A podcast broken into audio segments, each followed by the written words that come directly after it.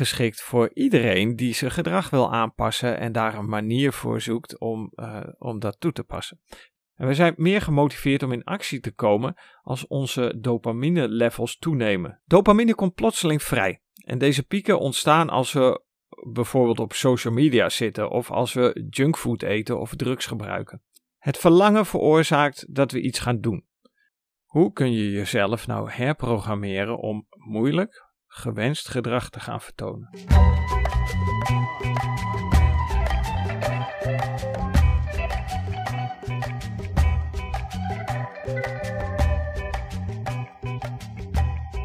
Hey, Rookstop Buddy hier.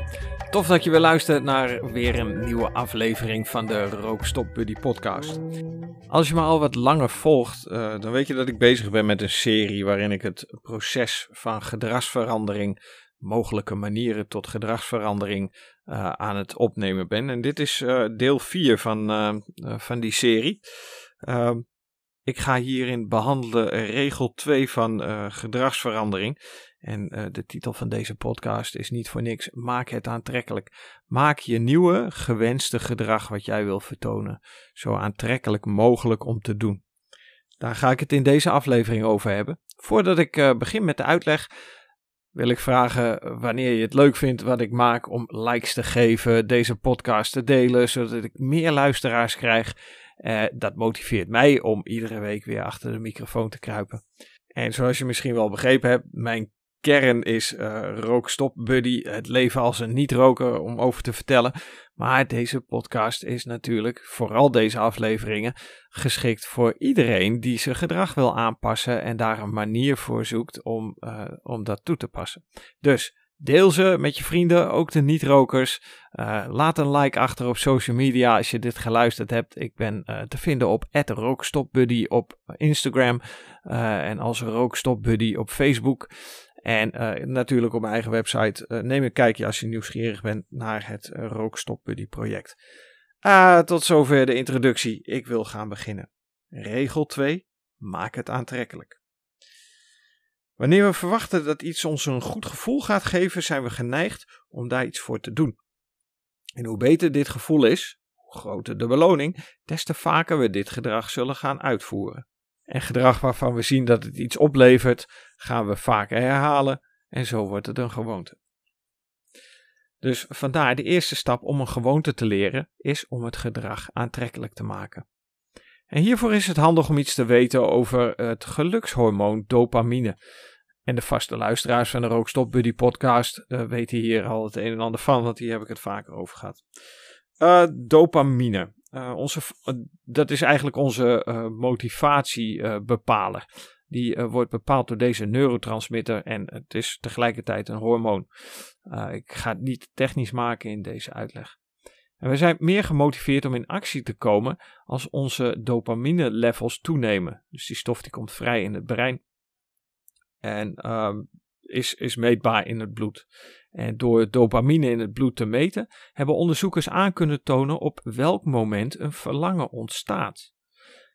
Eerder werd aangenomen dat dopamine slechts verantwoordelijk was voor het genot, maar huidige inzichten, eh, voortschrijdend inzicht, eh, tonen aan dat dopamine zeer veel functies in onze hersenen beïnvloedt. Denk aan motivatie, geheugen, leren, straf en dingen die je uit jezelf uh, begint te ondernemen.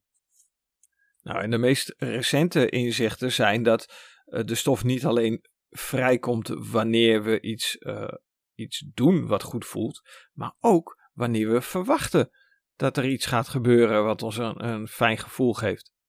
Zo hebben mensen met een gokverslaving een piek in de dopamine vlak voordat ze een inzet doen en niet nadat ze hebben gewonnen.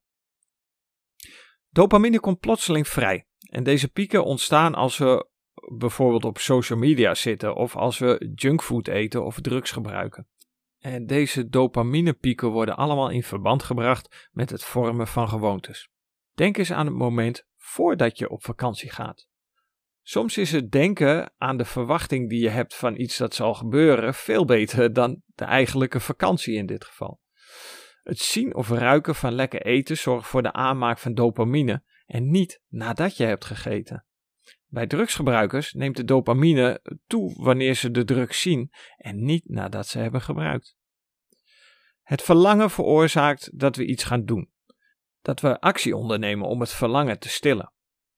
Het is van het grootste belang om onze gewoontes aantrekkelijk te maken om de verwachting van de beloning op te waarderen. Alleen daarmee vergroten we onze motivatie om iets te gaan doen. Een strategie die je hiervoor kan toepassen is om verleidingen aan elkaar te koppelen. Het koppelen van verleidingen maakt gedrag aantrekkelijker door iets wat we moeten doen te koppelen aan iets wat we graag willen doen. Zo heb ik lekker eten, iets dat ik wil, gekoppeld aan eten koken, iets wat je moet doen. Of een ander voorbeeld. Tijdens het stofzuigen, iets wat ik moet doen, luister ik naar mijn favoriete podcast, iets wat ik wil doen. Dit is het in de praktijk brengen van wat, we, eh, wat er in de psychologie het Premax Principle genoemd wordt. Professor David Premax stelde dat het meer lonende gedrag dat een individu vaker laat zien, het minder lonende gedrag dat een individu minder vaak laat zien, zou kunnen versterken. Koppel het voor de hand liggende gedrag aan het minder voor de hand liggende gedrag en het is aannemelijker dat je het minder voor de hand liggende gedrag ook gaat doen. Zo raak je, als in mijn voorbeeld van eten, koken en lekker eten, geconditioneerd om te gaan koken, omdat je beloond wordt met lekker eten. Groepsdruk. We zijn meer dan ooit bezig met de gedachte: wat vinden anderen van mij? En we passen ons gedrag hier automatisch aan aan. We worden beïnvloed door mensen die het dichtst bij ons staan en door de sociale kringen waarin wij ons begeven.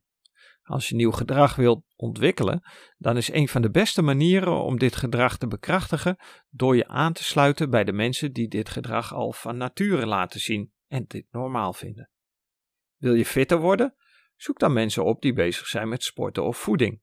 Wil je leren programmeren? Sluit je aan op een forum voor programmeurs. De bron van ons verlangen, onze oerdrift. Bijna niemand zal tegen zichzelf zeggen: Ik eet dit broodje hamburger omdat ik voeding nodig heb om in leven te blijven. Het oppervlakkige verlangen dat wij als mensen ervaren is een verschijnsel van een dieper onderliggend motief. Deze onderliggende motieven bepalen wat voor het grootste gedeelte ons gedrag. Voorbeelden van dit soort motieven zijn het verkrijgen van water en voedsel, energie besparen door zo min mogelijk lichamelijke en mentale inspanning, het vinden van liefde en voortplanting, verbinding met andere mensen, het nastreven van sociale status en goedkeuring van de groep, onzekerheid verminderen. Onze hersenen zijn niet geëvolueerd om sigaretten te roken of iedere vijf minuten de social media te checken op nieuwe berichten. Het internet en winkels liggen niet vol met nieuwe manieren om je te motiveren, maar spreken de al bestaande onderliggende systemen aan om onze aandacht op te eisen. Je gewoonten zijn de hedendaagse oplossing voor eeuwenoude verlangens, aldus James Clear. De achterliggende motieven lopen door het langzame tempo van de evolutie een beetje achter. Mensen met de behoefte om met anderen in contact te komen, zullen daarom inloggen op Facebook. Anderen die op zoek zijn naar liefde, zullen zich aanmelden op Tinder. En zoek je sociale status, dan kun je gebruik maken van Instagram. Hoe kun je jezelf nou herprogrammeren om moeilijk, gewenst gedrag te gaan vertonen? Gedrag dat je moeilijk vindt om te doen, kan je aantrekkelijk maken door het aan een positieve ervaring te koppelen. Dit is waarom complimenten werken. Door de voordelen van gedrag te benadrukken in plaats van de nadelen, kan je het een meer aantrekkelijke ervaring maken. Bijvoorbeeld, niet roken staat voor gezond en onafhankelijk leven in plaats van vermoeid en afhankelijk. Het doen van de afwas direct na het eten zorgt voor overzicht en een gevoel van tijd over hebben, in plaats van een rommelige en vieze keuken die je aantreft als je wakker wordt. Of bijvoorbeeld geld sparen voor een minder afhankelijke toekomst in plaats van de eindjes aan elkaar moeten blijven knopen. Verwacht van deze kleine aanpassingen in je mindset geen directe grootse verandering, maar ze dragen bij aan de gevoelens die je hebt ten opzichte van gedrag of situaties waar je in verkeert. En andersom geldt het natuurlijk ook. Maak je slechte gewoontes onaantrekkelijk om van je ongewenste gedrag af te komen. Dit kun je doen door de voordelen van het gedrag wat je niet doet te benoemen. Maak het zo onaantrekkelijk als het maar kan. Het liefst tot het niveau van walging. En dan moet ik denken aan een uitspraak die Igor van Kaam heeft gedaan in de opname die ik samen met hem uh, heb gedaan voor de Rookstop Buddy Show. Uh, die sprak over een, uh, een, bruiloft waar hij was, met een heel mooi gedekte tafel. En hij, hij liep daar zo met, met zijn bordje naast iemand. En die tegen hem zei van, ja toch wel jammer dat dit morgen allemaal poep is geworden. Nou ja, goed, uh, om even het niveau van walging uh, uh, aan te geven. Maak er inderdaad iets van waar je zelf tegenop gaat zien of, of het niet meer aantrekkelijk vindt om dat gedrag te doen. En dan kan het maar zo zijn, zoals Igor van Kaam ook zei, dat je van het ene op het andere moment het gedrag niet meer wil vertonen. Dan is de hypnose gebroken. Um, ik zit naar de tijd te kijken. We zijn alweer over de 10 minuten heen. Ik wil het hierbij laten. Uh, volgende aflevering ga ik, uh, ga ik door met deze serie, uiteraard. Dan uh, kun je van mij, ik moet even bladeren in mijn aantekeningen. Maar dan kun je van mij verwachten dat ik het ga hebben over de derde regel. En de derde regel is: maak het jezelf gemakkelijk. Heel veel dank voor het luisteren naar deze aflevering. Deel het met je vrienden waarvan je zegt: van, oh, die kan, die kan wel eens wat uh, hulp gebruiken bij veranderen. Uh, ik vind het heel fijn dat er meer luisteraars komen. Dat motiveert mij om meer opnames te maken. Maak er een fantastische dag van.